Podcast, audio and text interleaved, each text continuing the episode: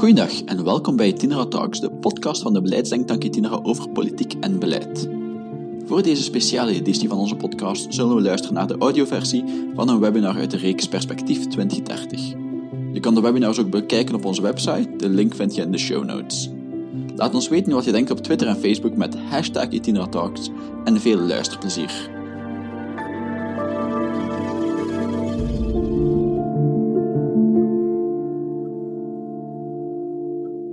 Welkom, dames en heren. Professor Mark de Vos was professor sociaal recht aan de Universiteit van Gent. Hij is de academische oprichter en de eerste directeur van Itinera. En vandaag is hij decaan van de Law School van de Macquarie Universiteit in Sydney, Australië. En u kent hem ook waarschijnlijk wel van zijn wekelijks opiniestuk in Trends.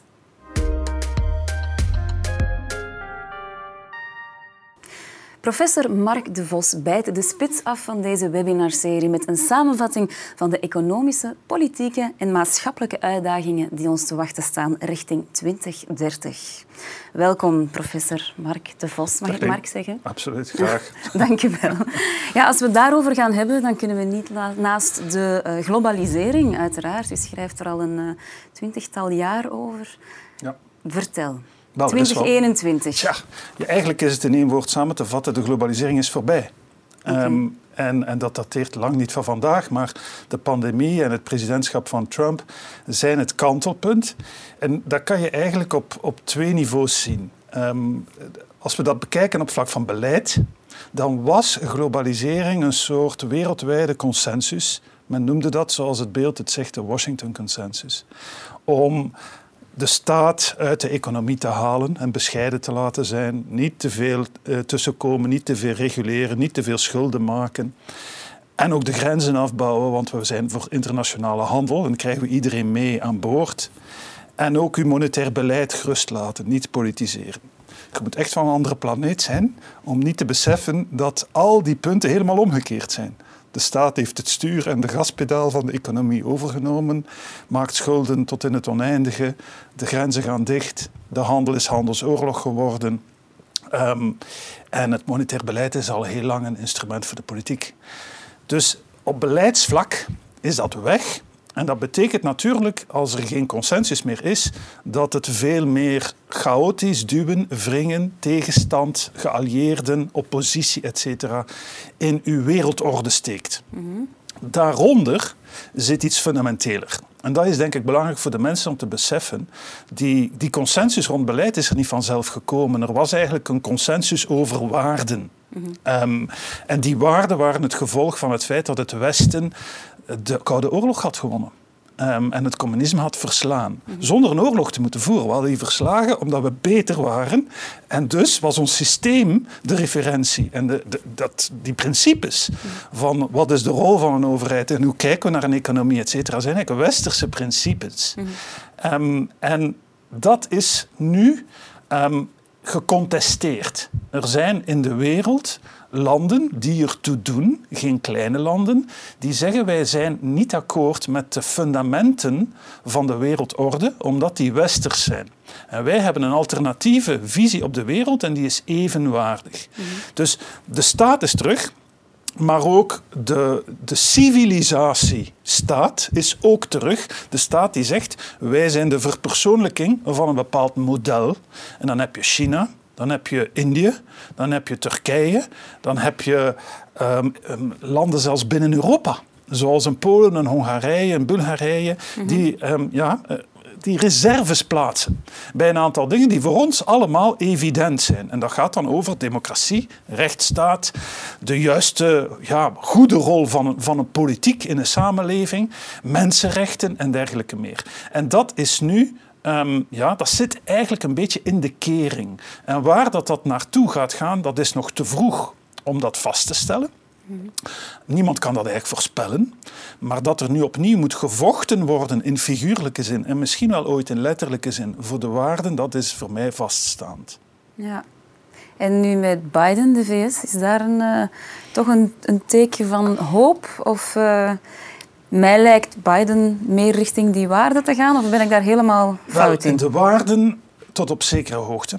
Ja. Ehm, maar die waarden zijn ook voorbestemd om een soort gemeenschap op wereldniveau te creëren, waarin dat we het gemene belang voorop stellen. En dat denk ik is voorbij. Uh, dus ik denk dat het ook onder Biden Amerika eerst is, maar het is met een andere stijl en niet meer Amerika alleen zoals het onder Trump was. Ja. Um, wat betekent dat? Dat betekent dat de globalisering die voorbij is, dat was eigenlijk een Amerikaanse globalisering. Daar moeten we, daar moeten we eerlijk in zijn. Dat, dat diende het Amerikaanse nationale belang. En eigenlijk was dat de motivatie voor alle landen. Je stapt in dat verhaal omdat je er zelf beter van wordt. En voor Amerika, winnaar van de Koude Oorlog, veel multinationals, open grenzen, dat is voor hen een, een, een nirvana. Nu is de situatie anders. Wat voor Amerika op dit moment dominant is, behouden de, de binnenlandse politiek, is de strijd voor het wereldleiderschap met China in de 21ste eeuw. En daar hebben we een groot probleem. Um, China is binnengehaald in de globalisering en wordt nu eigenlijk een soort tegenstander. En Amerika eerst zal onder Biden zijn um, overheidssturing van de economie met heel veel investering en voordelen en voorkeuren voor grote Amerikaanse bedrijven en Amerikaanse jobs. Denk in het bijzonder ook aan de groene economie. Um, op buitenlands vlak telt alleen maar de relatie met China. Um, de, de, geopolitiek van Amerika, daar is de, de, de, positie van Europa is daar echt een paar klassen naar beneden gegaan. En dus eh, we moeten niet verwachten dat uh, Biden zal natuurlijk heel veel lippendienst aan democratie besteden. Maar geopolitiek gaat, gaat over de harde zaken op de grond, de realiteit. Mm. En dat is realisme. En het realisme is dat het gaat om de knikkers. Um, en, en, dat we hier vertrokken zijn voor een periode van langere aangehouden um, spanning, potentieel conflict. Um, en dat Amerika zichzelf moet rechten om te beginnen. Dat zal volgens mij zijn allereerste prioriteit zijn. En dan moeten zien of ze op basis van sterkte opnieuw internationaal wat kunnen sturen. Los van wat ik eerder cosmetische dingen vind, zoals uh, we gaan opnieuw aansluiten bij het klimaatakkoord en wat weet ik allemaal. Dat is allemaal goed. Ja, en dat gebeurt eigenlijk sowieso. Met of zonder de symboliek van het klimaatakkoord zal de strijd tegen de klimaatopwarming gebeuren. Um, maar de fundamentals die zijn er. En die zijn, betekenen dat Amerika Eigenlijk is de periode van de globalisering na Wereldoorlog 2 een uitzondering in de geschiedenis van Amerika. Amerika was toen zeer internationaal, maar is van nature uit zeer op zichzelf gericht en heeft de globalisering alleen maar gebruikt voor zijn eigen promotie. Wat niet verkeerd is. Hè? Ja. U sprak daarnet al over uh, de strijd om de knikkers met, uh, met China. Hè. U toont zich uh, dikwijls als een China-havik in de pers en, en in literatuur. Um, ja. wat is die, die factor China?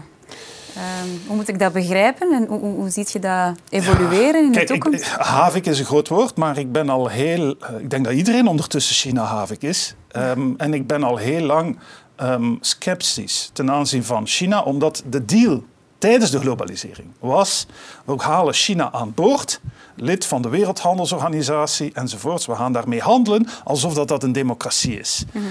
En dat is natuurlijk geen democratie, het is een communistische dictatuur. Eigenlijk is het het onverwerkt verleden van de Koude Oorlog. Dat is het, het grote restant van de Koude Oorlog, China. Maar dat ging vanzelf opgelost worden door China meer uh, rijk en, en welvarend te maken. Ging het ook democratischer en westers worden. Dat was de gok een berekende gok. Ik heb daar nooit in geloofd. En de, dat is ook nu proefondervindelijk bewezen dat China de andere kant uit gaat. We zien daar de cover van Time voor ons met, met een heel symbolische uh, Xi, die, die de machtigste totalitaire, zeker autoritaire en proto-totalitaire leider van China is. China is een land. We moeten, we moeten kijken naar de geschiedenis. China is een land met een missie.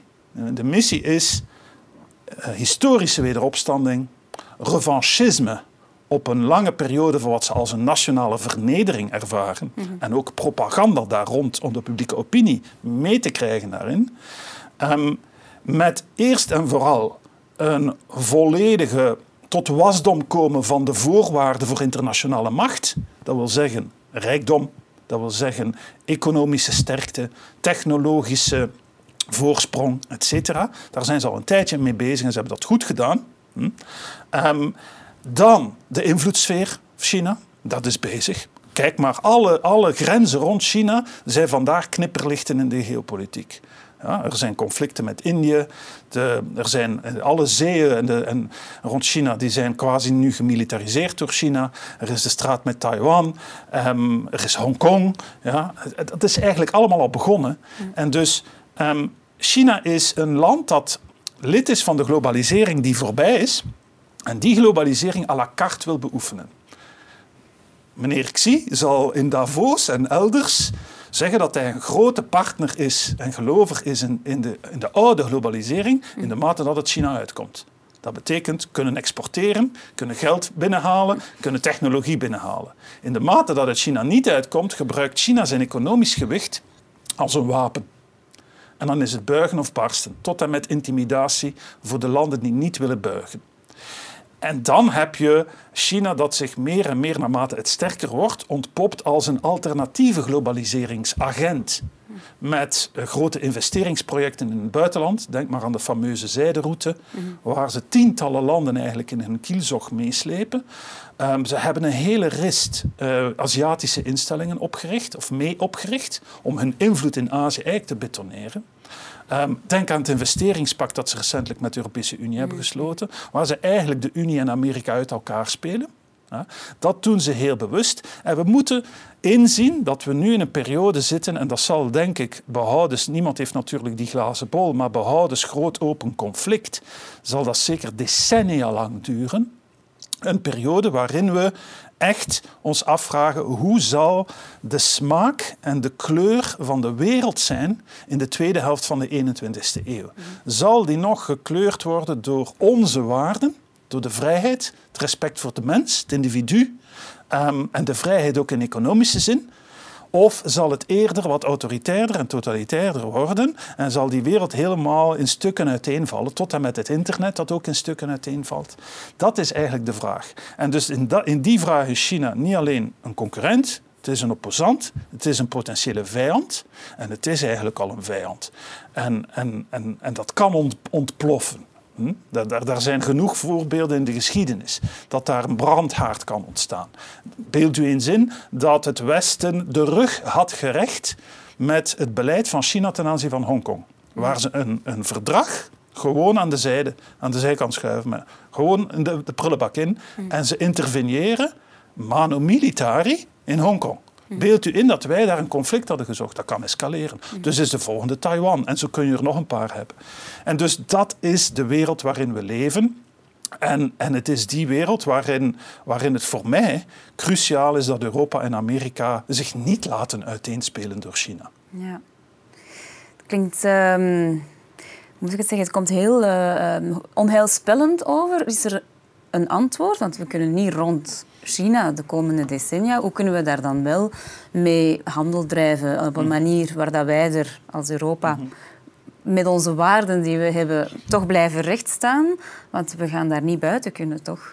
Wat is het antwoord van Europa of de rol van de, de Europese Unie? Hè? Met, vertrekkende vanuit die waarden waaruit dat wij vertrokken zijn na de Tweede Wereldoorlog, met de Universele Verklaring voor de Rechten van de Mens, het Europees Verdrag voor de Rechten van de Mens en al die andere uh, verdragen die toch onze fundamenten zijn. Hoe, hoe blijven we die recht houden? Of moeten we die misschien zelf ook terug herinneren? Want ik denk dat we het misschien zelf ook allemaal niet goed meer herinneren wat daar allemaal in staat in die verdragen. Daar is wat van aan, zeker als je kijkt naar ons traject met de vluchtelingen. Hè. Ja. Um, maar laat mij zo zeggen, om te beginnen is de uitdaging volgens mij veel moeilijker dan de vroegere Koude Oorlog met de Sovjet-Unie. Mhm. Omdat we niet economisch verstrengeld waren met de Sovjet-Unie en dat wel zijn met China. Mhm.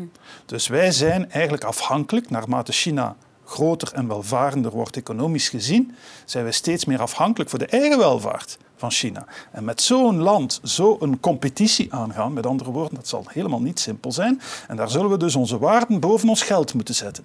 En we zijn dat al lang niet meer gewoon. Hè? Mhm. Want ons probleem is ook een probleem van big business in China. Al die grote bedrijven die daar zitten. Eh, en op dat vlak was voor mij Donald Trump de juiste stem. Hè? Die heeft heel duidelijk gezegd: sorry. Ja, tegen al die commerciële belangen, sorry. Maar hij deed dat volledig verkeerd in de methode. Ja. Hm? Maar dus voor Europa is, is de uitdaging en het einde van de globalisering een existentieel probleem omdat Europa eigenlijk de exponent is van die oude globalisering. We hebben binnen Europa een paar niveaus verder gebouwd op die Washington Consensus die weg is, met uh, de markt, de interne markt, met de overheden die meer tussenkomen, et cetera. En als dat nu allemaal kantelt, ja, dan moet je echt afvragen waarvoor staat die Europese Unie dan in de toekomst? Want de Europese Unie was altijd heel trots en fier op die waarden, nietwaar? Wij waren daar de referentie. Uh, we hebben dat allemaal uitgevonden. Alhoewel, uh, in ieder geval, wij waren daar wereldleider in. Um, en, en wij beschouwden dat een beetje als het alternatief voor het sterke, militair actieve Amerika, waar we eigenlijk een beetje vies van waren. En we konden ook veroorloven om daar vies van te zijn, mm -hmm. want we zaten onder de beschermings uh, ja, koepel van de Verenigde Staten. Hè? De Pax Americana met de kernraketten enzovoort. Dus wij moesten ons handen niet vuil maken. En dus konden wij gemakkelijk toeteren over waarden tegen de rest van de wereld. En tegelijkertijd een grote markt maken waar dan iedereen rijker van wordt. Dat is die mini-globalisering binnen Europa. En dat was dan voor ons de manier waarop wij um, Europese invloed eerder dan Europese macht in de wereld wilden verwerven. En uh, we hebben onszelf dan heel vaak uh, gefeliciteerd met de vaststelling dat er steeds meer landen geïnteresseerd waren om lid te worden van de Europese Unie. Um, en gedacht, ja, die doen dat omdat ze allemaal Europees willen worden. Nee, nee, die deden dat omdat ze graag in de interne markt wilden komen en daardoor rijker en welvarender wilden worden. Ze tekenden niet noodzakelijk met alle vertrouwen voor die waarden. Het voorbeeld bij uitstek is Turkije. Ja. Turkije is al meer dan 50 jaar lang kandidaat lidstaat. We moeten daar echt niet te lang over nadenken om te weten dat die niet komen voor onze Europese waarden. Hm? En die probleemlanden die we vandaag in Oost-Europa hebben, dat is net hetzelfde. Dus voor Europa is, het, is, is dus dat gekanteld. In plaats van invloed te hebben met die waarden, ben je vandaag het slachtoffer met die waarden, omdat iedereen veel meer voor het eigen belang opstaat. En de wereld, zoals de, een, Duitse minister het heeft gezegd, zijn allemaal vleeseters geworden. En, en, en wij zijn nog altijd de, de herbivoren. Ja? Wij, wij eten alleen maar plantjes. En dus vanuit, vanuit, die, vanuit dat perspectief is, zijn wij vandaag de dag eigenlijk een beetje de boksbal van de wereldorde. Wij worden bespeeld door China, we worden bespeeld door Amerika.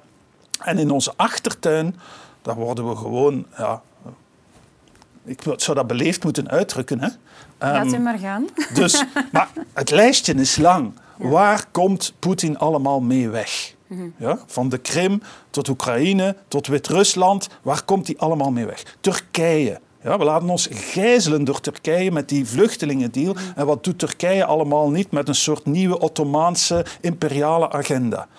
Um, wat gebeurt er in de Balkan? Hm? Wat gebeurt er in, in Noord-Afrika, in het Midden-Oosten nota bene? Dat is allemaal onze achtertuin. Wij betekenen niets op dat vlak. Ja, we betalen alleen maar met, met schade en met enorm reputatieverlies. En dus de, de idee dat we met Europa een model zijn, dat moeten we echt eens doorslikken. En we moeten ons afvragen, hoe kunnen we in die nieuwe harde wereld, want het is een hardere wereld, mm hoe kunnen we daar een, een, positieve kracht in zijn? En daar zijn we ook mee bezig. Ik ben lang niet de enige die dat zegt. Ik zeg dat uh, wat, wat uh, onverbloemder misschien, maar de, de Europese toppolitici en hebben een deal gemaakt met de, met de huidige Europese Commissie om eigenlijk geopolitiek actief te worden als Europese Unie. Dat is dus begonnen. De vraag is of dat realistisch is. Ja. Uh, ik hoor dikwijls spreken over uh, de volgende generatie EU, Next Generation. Mm -hmm. um, ja, wat, wat, betekent dat voor u juist? Wel, dat betekent onder andere dat. Hè. Ja. Dus het feit dat we zeggen, we willen eigenlijk als, als Europa opstaan. En in plaats van een clubje te zijn die overeenkomen dat er wat regels gaan zijn voor een markt, en we laten dat dan spelen, mm -hmm. gaan we een clubje zijn voor macht. Mm -hmm. hm? Um, en dat is dus die geopolitieke positie die we willen innemen, die autonoom Europees zou moeten zijn. Ik ben daar heel aarzelend in. Ik vrees als wij zeggen als Europa dat wij naast China en naast de Verenigde Staten willen staan geopolitiek, ik vrees dat wij er gewoon tussen gaan staan. Tussen twee vuren. En dat we het slechtste van twee werelden gaan hebben. En ik geloof ook niet in, in, in ja, accommodatie van China. Ik denk dat we moeten voor onze waarden eerst opkomen. En dat Mhm. betekent dat je aan de zijde van de VS moet staan. Ehm, en ook, ik denk dat wij gewoon geen ruggengraat hebben voor machtspolitiek in Europa. Dat zou betekenen dat je een soort ge- gedeelde Europese machtsvisie hebt. Die is er helemaal niet. Ja, wat er dan is, is de macht van grote landen. En dat is dan met name Frankrijk en Duitsland, nadat het Verenigd Koninkrijk ons vaarwel heeft gezegd. Daar gaan en we dan het wordt- straks nog over ja, hebben. en dan wordt de Europese Brexit. Unie een, een, een vehikel voor een paar grote lidstaten. Ja. Dus ik ben daar zeer aarzelend in. Ik zie daar trouwens een pendant in, in wat ze noemen de, de volgende generatie in het economisch beleid. Dat is toch ook iets waar we moeten bij stilstaan. Te- Zeker voor een land als België, dat een klein land is, een open economie, niet veel wapens heeft in een economische machtsstrijd, ehm, niet veel verankering, niet veel eigen multinationals. Het Europa dat, waarin wij gestapt zijn, waar, waar de deal was, die grotere lidstaten die gaan ons niet opeten, die gaan samen met ons terugtreden en we krijgen een grote markt waar de beste mogen winnen. En we zijn bij de beteren. Dat Europa, dat is voorbij, want het Europa staat nu veel minder voor die open markt en staat veel meer voor relancebeleid, ehm, groene economie. Dat is die volgende generatie, waarin dat de overheden zeer sterk aan, aan zet komen. En als de overheden aan zet komen en door Europa dan nog geld krijgen om aan zet te komen, ja, dan, wat domineert dan? De overheden zijn de nationale overheden. Hè? Dat zijn de nationale politieke agenda's. Met andere woorden, dat zijn de grote lidstaten. En Europa was een, een, een discipline-instrument op het vlak van hervorming en op het vlak van schuld. Nu is het een instrument om schulden te maken. Ja, de muntunie is eigenlijk nu een vehikel aan het worden om de schuldenpolitiek van de lidstaten te faciliteren. Voor ons land is dat niet goed. Hè? Wij, wij waren eigenlijk een beetje van Europa afhankelijk voor hervormingen te doen. België kwam maar tot hervorming onder externe druk. Kunnen we daar wat voorbeelden van geven? de schulden. Laten we bij dat pro- probleem beginnen. Ja. Hè. Eh, De kijker her- herinnert zich misschien nog het globaal plan van de jaren 90 onder de Hanen. Dat was toen de deal om in de, als land in de muntunie te kunnen stappen. Moest je je staatsschuld terugdringen tot toen 60% van het BBP. We zitten daar nog ver, ver boven. Ehm, en dat wordt nu afgeschreven. Hm? En dus voor ons was Europa een instrument om ons te dwingen beter te besturen, hervormingen te nemen, tegen wil en dank, want we komen er zelf amper toe. Ehm, daar kunnen we het misschien straks wat Ja, daar over zullen we hebben. het zeker nog En- over hebben. En, en, en als die druk dan wegvalt en je wordt gefaciliteerd in je schuldenbeleid, ja, wat ga je dan doen? Hm? En in welke richting? Ik, voor mij is het gevaar van België dat wij in de zwakke flank van de Europese Unie gaan eindigen, de Zuiderse flank. Hm? En dat zou een zeer slechte plaats zijn voor ons. Wij moeten ambiëren, we hebben heel veel potentieel, wij moeten ambiëren om bij de beter presterende landen te zijn. Het is alleen maar op basis van onze economische sterkte dat we een soortelijk gewicht gaan hebben in die harde wereld. Moeten we beseffen. Wij hebben niets anders dan dat. En dus ehm, de, voor ons zijn het verhaal van de waarden en hoe dat wij ons willen ja, gedragen en leven in die Europese Unie die veranderd is, voor ons begint en eindigt het met een heel sterke economie. En, en die is niet sterk genoeg en al lang niet. Dus voor ons is Europa, eh, dat was eigenlijk, wij, zijn- wij waren eigenlijk een beetje free rider. Ja? We, we konden genieten van de Amerikaanse vrede. We moesten niet te veel naar eh, defensie is bij ons een, ja, dat is een lachertje nu waar. Dat is een, Ja. een tewerkstellingsplan Moet voor mensen een eh, job te geven. Dat is geen leger. Ja, Moet dat, eh, moet dat Europees worden, het leger, volgens u? Als u spreekt over Amerika en China, die dan toch... Wel, wel, laat mij het zo zeggen. Als Europa het ernstig meent met geopolitiek autonoom te zijn, dan begint het met een Europees leger. Want geopolitiek, dat is het harde. Dat zijn, dat is, dat zijn de, de botten op de grond. Ja? Dat is militair. Daar begint het. Daar komt de macht uit de loop van een geweer, geopolitiek. En uit je soortelijk gewicht, economisch gezien. Waar je groot bent, maar zwak. Wij zijn groot omdat we veel landen samen hebben, maar we zijn niet sterk als groeimotor. Zijn we niet sterk. Onze waarden tellen niet meer mee of zijn op zich niet voldoende. Dus wij moeten militair in, in minstens een soort gemene strategie hebben. Dat betekent ook gemeen buitenlands beleid. Dus dat komt er alleen maar als je soevereiniteit meer overdraagt. En dat is precies het punt. Als je die soevereiniteit overdraagt, wie zal dan die agenda domineren? ja. Ja. Dus hoe we draait of keren, ehm, het, het, is geen, geen evidentie. En voor België, een land dat zo lang eigenlijk heeft kunnen surfen hm, ehm, op, de, op, de, op de globalisering, op de Europese globalisering. Als de wereld tikt bij handel, en je hebt een kustlijn vol wereldhavens. Mhm. En je bent de hoofdstad van Europa. En je bent een buur van de exportmotor Duitsland. Dan moet je echt niet veel inspanning doen om het goed te doen. Mhm. Hm? En dat is dus België. En als dat dan keert, ja, dan heb je veel meer dat je moet aanpakken als land. Dat is eigenlijk het motto. We zullen het straks nog over België hebben. Hè? Maar de reden dat er geen consensus was over die dingen die u net, eh, of is, over de dingen die net uh, aangehaald zijn, is dat een van de redenen dat de Britten zijn weggelopen met de Brexit? Well, er zijn vele oorzaken in en ik denk waarschijnlijk is de diepste oorzaak historisch. Uh, in de zin dat de Britten zich nooit Europees hebben gevoeld um, en een eilandnatie zijn. Maar het feit dat Europa de laatste 10, 15 jaar alleen maar staat voor crisissen heeft zeker de doorslag gegeven in het oorspronkelijke referendum. Mhm. En dan zeker op het vlak van de vluchtelingencrisis. Ja. Um, dat, een referendum dat zo nipt was. Had Europa beter gefunctioneerd, dan waren de Britten nooit vertrokken. Maar ze zijn vertrokken. En ze komen niet meer terug. Nee? Nee. Nee, niet, never say never. uh, zoals uh, James Bond het ooit heeft gezegd. Maar, maar um, niet in ons leven. Laat het mij zo zeggen. Ik verwacht dat niet. Ik denk dat er zeker een volle generatie zal moeten overgaan, omdat er ondertussen meer dan vier jaar verstreken is in het referendum. En die vier jaar, dat is alleen maar frustratie, onwil, uh, conflict met het Europese continent geweest. En dat is, dus, dat is nu zo verzuurd dat, dat dat niet op 1, 2, 3 te keren is. Natuurlijk, we mogen niets uitsluiten. We zijn al vaker verrast geweest. Dus misschien komt er een verkiezing binnenkort die een totaal ander resultaat geeft. Who knows?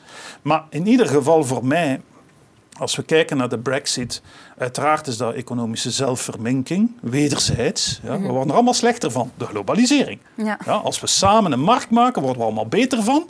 Als we terugvallen op onszelf, dan gaan we samen verliezen. Hm?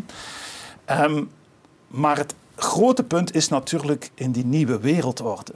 Het feit dat de Britten ons verlaten op het moment dat de wereldorde kantelt, is voor Europa een enorm probleem. En voor België een enorm probleem.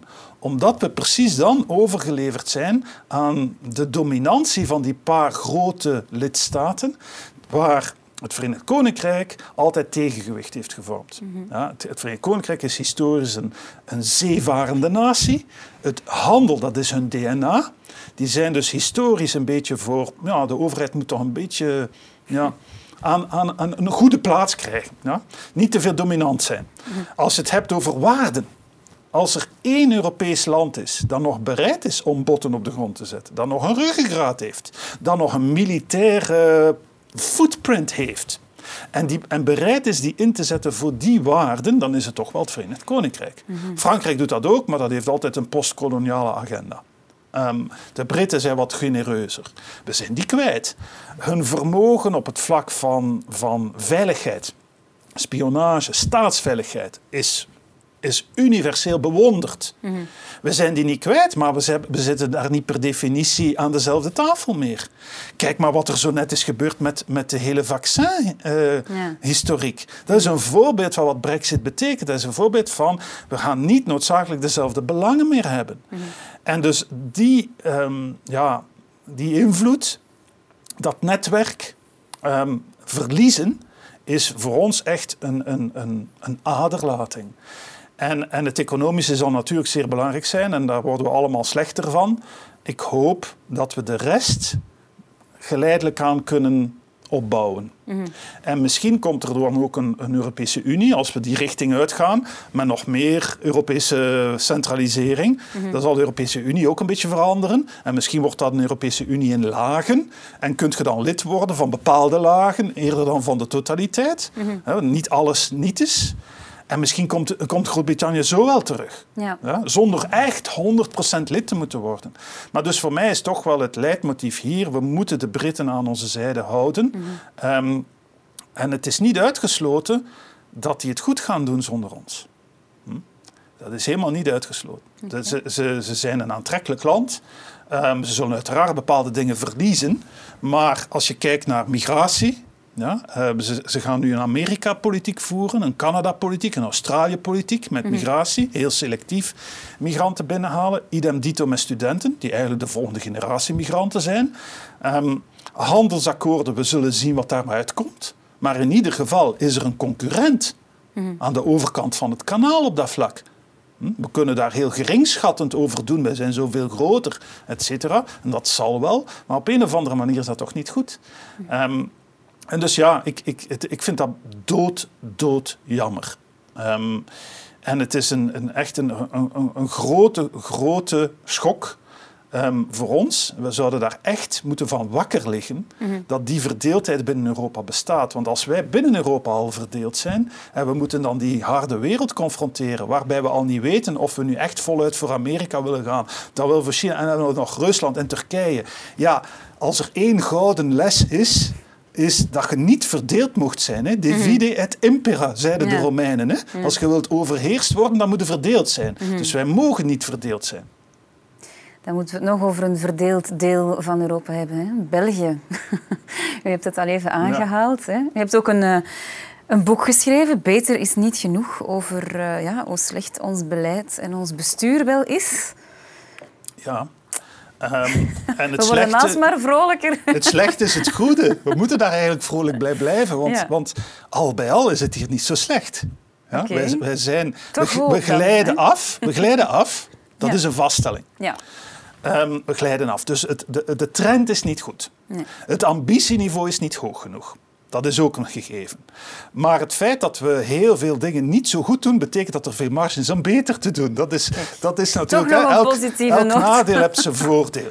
Ja. en, en het is niet zo moeilijk. Mhm. ik, ik, het, is, het gaat hem over beter bestuur, betere rechtsstaat, um, meer aandacht voor welvaartscreatie. Ja, want de mhm. economische motor is voor ons doorslaggevend. Mhm. Ehm, niet alleen voor onze positie, maar ook voor onze sociale, sociale zekerheid en zo. Um, en dus in dat boek heb ik een beetje een traject gemaakt, een beetje van mijn eigen participatie in het publieke debat. Uh, dat dat uh, al een paar decennia is ondertussen. En als je die, als je die die periode bekijkt, dan stel je vast, ik noem dat in het boek, dat wij een land zijn van struisvogels en zombies. Dat moet je even uitleggen. Ja, dus de struisvogel betekent dat we heel vaak um, ontkennen dat er een uitdaging of een probleem is. En je kan een lijstje maken hoor. De staatsschuld hebben we daarnet al gezegd met het globaal plan. Dat is de jaren negentig, nietwaar? Ondertussen is hij veel groter geworden. Um, je kunt kijken naar de vergrijzing, naar pensioenhervorming, de gezondheidszorg, fiscaal, uh, energie en klimaat. Wij zitten zo op een carousel. Dat blijft altijd maar terugkeren. Dat stopt nooit. En wij, wij nemen nooit echt beslissingen. Je kunt altijd, er is altijd voor en tegen. We nemen nooit echt beslissingen. We nemen geen beslissingen, halve beslissingen. We komen terug op beslissingen. En zo uiteindelijk verlies je steeds meer de, het, het, het, contact met landen die wel strategisch kunnen beslissen. Dat is het punt. Ons land kan zeer moeilijk strategische beslissingen nemen. Mhm. En als de wereld dan een wereld is waarin strategie opnieuw met hoofdletters moet geschreven worden, dan gaan we daar toch wel wat moeten inhalen als we ons niet ja, willen laten verdringen in die wereld. En dat is het punt. Um, tegelijkertijd hebben wij al die troeven, we hebben ze daarnet aangehaald. De mhm. ligging, uh, de Europese markt, de relatie met sterke economieën, onze, onze, ja, onze internationale... We zijn een van de meest geglobaliseerde economieën in de zin van dat het internationale hierin gebakken zit. Wij zijn zo gemakkelijk inplugbaar als mhm. economie. Er zijn grote troeven. Dus er is veel marge, en dat is ook een beetje denk ik het, het, het DNA van Itinera, om te zeggen wij moeten voluntaristisch zijn, wij moeten um, durven. En dat betekent dan ook dat je moet leren beter beslissen. Sneller beslissen, vroeger beslissen, helder beslissen, rechtszeker beslissen enzovoort. En als je dat dan doet en je houdt dat vol, dan is er telkens zo, dat is een kleine beter marge en die, die, die stapelt zich op. En na verloop van decennia zie je dan dat je effectief in die kop van ehm, het Europese peloton zit, waar we absoluut thuis horen. Ja? ja absoluut. Ja. Dikwijls als je, soms krijg je het gevoel als je pers leest dat je denkt, ja, hoe gaan we dat nu ooit bij, bij landen als Duitsland of zo kunnen aansluiten met hoe dat het hier soms loopt en geen, zoals u zegt, geen beslissingen kunnen nemen en zo. Een complex land. Hè? Het communautaire, laat ons het nu maar eens noemen. Wat denkt u daarvan? Maar, laat, laat me zo zeggen, we zijn er eigenlijk niet zo ver van. Oké. Ondanks alles. ja, dus beeld u in dat we kunnen zeggen, dankzij, Ja. ja. dan, dan is er echt voor ons, ik, ik geloof echt dat we een van de toplanden kunnen zijn. Zonder meer. Zonder meer. Als je weet dat we leven in kenniseconomie. ja, ehm, als er iets is waar wij in Vlaanderen, zeker in Vlaanderen, maar in Wallonië heeft er nu ook grote aandacht voor, in toenemende mate toch belang- eh, aandacht voor besteden, dan is het ons talent. Ja? We hebben daar veel achterstand in te halen, maar we hebben ook klassiek heel veel inzetbaar talent, veeltalig, hardwerkend, et cetera. Dus er zijn veel troeven in dit land. Maar we hebben handicaps. Dat is ongetwijfeld zo. Ongetwijfeld zo. Dus we moeten dat niet onder de mat vegen. Onze complexe democratie, ehm, de versplintering van het politieke landschap. Ehm, maar we zijn niet het enige land dat zeer complex is. Hm? En dus dat mag ook geen excuus zijn. Ja. Hè, Als je kijkt naar een land als de Verenigde Staten, we hebben nu toch wel gezien onder Trump hoe moeilijk het is om zo'n groot federaal land goed te besturen. Hm? Ehm, en je kan hetzelfde zeggen over Duitsland. Dat is ook een complex federaal land. En je kunt internationaal kijken naar een land als Zwitserland. Hoe complex is dat niet institutioneel? Ja. En heeft helemaal geen goede ligging. Hè? Nee. Het zit ingeklemd tussen bergen. En hoe goed functioneert het niet? Ja, en dan kun je naar Canada kijken. Australië, waar ik woon, idem dito. Dus geen excuus, zou, zou ik zeggen. Voor mij, ik heb daar lang over nagedacht. En daar, daarover gaat dat boek, Beter is niet genoeg. Voor mij ligt het aan onze cultuur. Ehm, en het is gemakkelijk om te schieten op de, op de cockpit van de politiek. Ja, en daar mag ook op geschoten worden. Ik denk dat daar te weinig professionalisme, te weinig ambitieniveau, te weinig zakelijkheid, te weinig gedeeld belang, te weinig politieke cultuur, democratische politieke cultuur is. Maar die staan niet op een eiland. Als je kijkt naar de goed bestuurde landen, daar zijn allerlei voedingskanalen richting politiek. De pandemie. Hoe hebben we niet moeten improviseren om het beleid in een goede baan, gestuurd door expertise, te krijgen? In een land met zoveel structuren, instellingen, middenveld. Ja, waarom hebben wij geen goede doorstroming van expertise richting beleid? We hebben dat dus niet. Hè? Ehm, sociaal overleg. Het middenveld in de breedste zin, al die structuren, normalitair, voeden die de politiek met meer technische bagage, laten die toe dat de politiek moeilijke beslissingen neemt, want die, die structuren zijn geconnecteerd met een achterban die je kunt overtuigen op die manier. Bij ons is het omgekeerde. Die structuren remmen ons in plaats van ons te helpen en creëren conflict in plaats van oplossing. Dus daar ligt een cultuurprobleem, in die structuren. De media.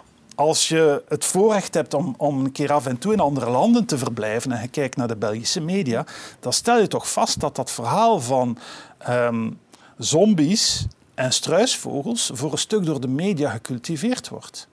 Ja, al die, hoe vaak komen geen negationistische ontkenningsverhalen rond vergrijzing, pensioenen terug in de media?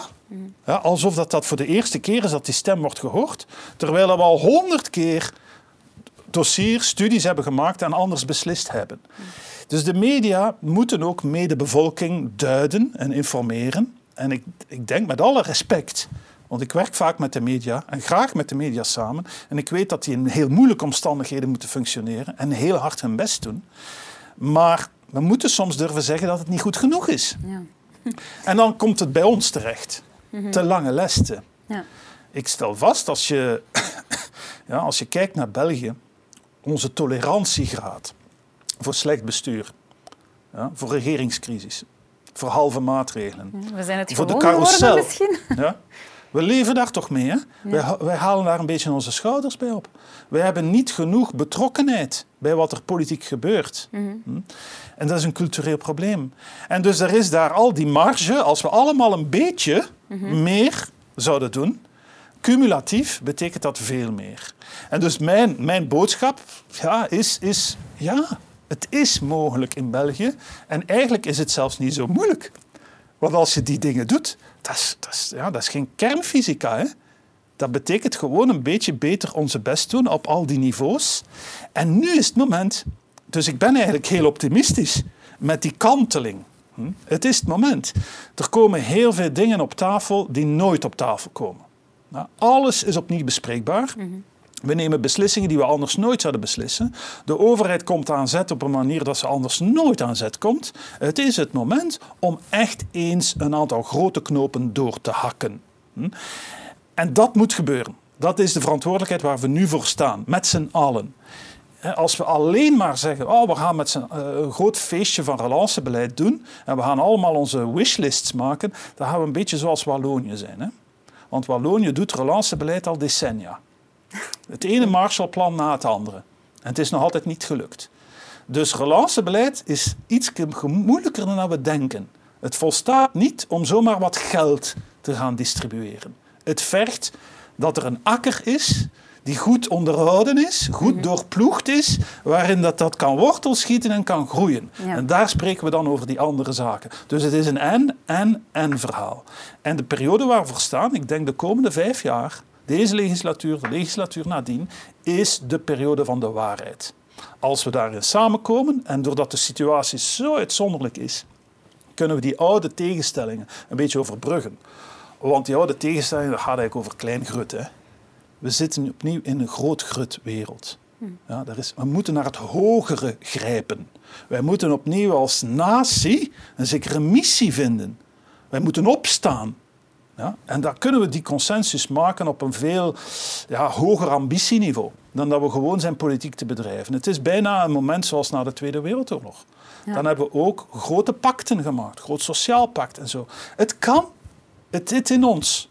Plus est en nous. um, u zegt, is dat dan een taak van de overheid of van iedereen samen, veronderstel ik? De burger, wat kunnen wij als burger doen om daarmee uh, ja, poeier in te steken om, dat, uh, om tot zo'n grote beslissingen te komen. Want op dit moment, u zegt hetzelfde, we hebben een beetje een apathische houding tegenover um, ja, de zoveelste beslissing die dan weer veranderd wordt. En ja, hoe, hoe kunnen wij een, een, een, stem vormen van doe het nu consistent termijn tien jaar, vijf jaar, tien jaar. Mhm. Beslis nu op die werf, die werf en die werf wat er moet gebeuren. Maar wat moet er dan gebeuren? Ja. Hoe kunnen we dat energie of uh, ja, zuurstof geven. Het, begint bij leiderschap. Hè? Dus ja. um, politieke leiderschap. Als je kijkt de periode van de, de regering Wilmes hm. En de huidige regering met de bestrijding van de pandemie, dan hm. zie je een verschil in leiderschap. Ja. ja. Dus dat maakt een verschil. Dat is één, ambitieniveau, kwaliteit, professionalisme, leiderschap. Twee, onze structuren moeten mee gemobiliseerd worden de, de hele overlegwinkel van dit land moet mee gemobiliseerd worden en die moeten een achterban meekrijgen. Mhm. Dat is een verantwoordelijkheid. Um, er zijn een aantal hangijzers ja, die al heel lang in het vuur zitten. Mhm. Hm? De, de, arbeidsmarkt, de pensioenen, de gezondheidszorg, de fiscaliteit de, enzovoort. We kunnen daar, er is expertise genoeg. Je kan die expertise samenbrengen. Je kan een aantal scenario's laten uh, ontwikkelen. En met die scenario's kun je zeggen, daarmee trekken we naar de kiezer. En we laten de kiezer daarover stemmen. Die is dan geïnformeerd, die weet wat er op tafel ligt. Mhm. En dan krijg je een ander soort politieke beslissing en een ander soort verwachtingspatroon ten aanzien van de volgende regering. Mhm. We hebben dat eigenlijk gedaan met de pensioenhervorming. Herinner u, we hebben toen een commissie gemaakt, onder leiding van Frank van den Broeke. Mhm. Daar is dan een scenario uitgekomen. Het is nooit uitgevoerd. Ja? Dus er, het mangelt aan die uitvoering dan ook. Dat is opnieuw dat leiderschap. Dus ik denk dat we als we zoiets doen in de komende periode, dat, het in, dat, we in staat moeten zijn om die bevolking een beetje breder en, en, en verder te laten kijken. Ja. En, en, als democratische kiezer. En ik heb eigenlijk een groot vertrouwen in de, in de, in de kiezer hoor. Ik, ik zie heel veel. Um, ik denk dat deze pandemie ook heel veel losmaakt. Mm In termen van, van betrokkenheid. Mm in termen van we zitten allemaal in die boot en we moeten er iets aan doen. Ehm, ik zie jongere generaties die zeer sterk geëngageerd zijn.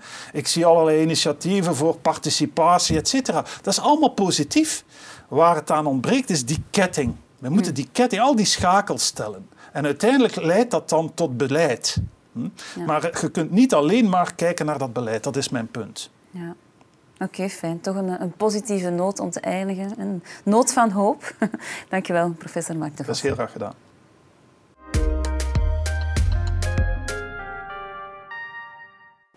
Bedankt dat u deze aflevering gevolgd heeft. Volgende keer heb ik professor Jean Hendricks bij mij te gast van de Université Catholique de Louvain.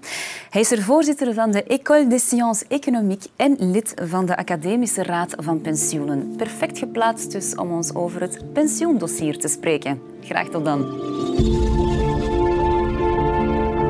Hopelijk hebben jullie hier evenveel van genoten als ons.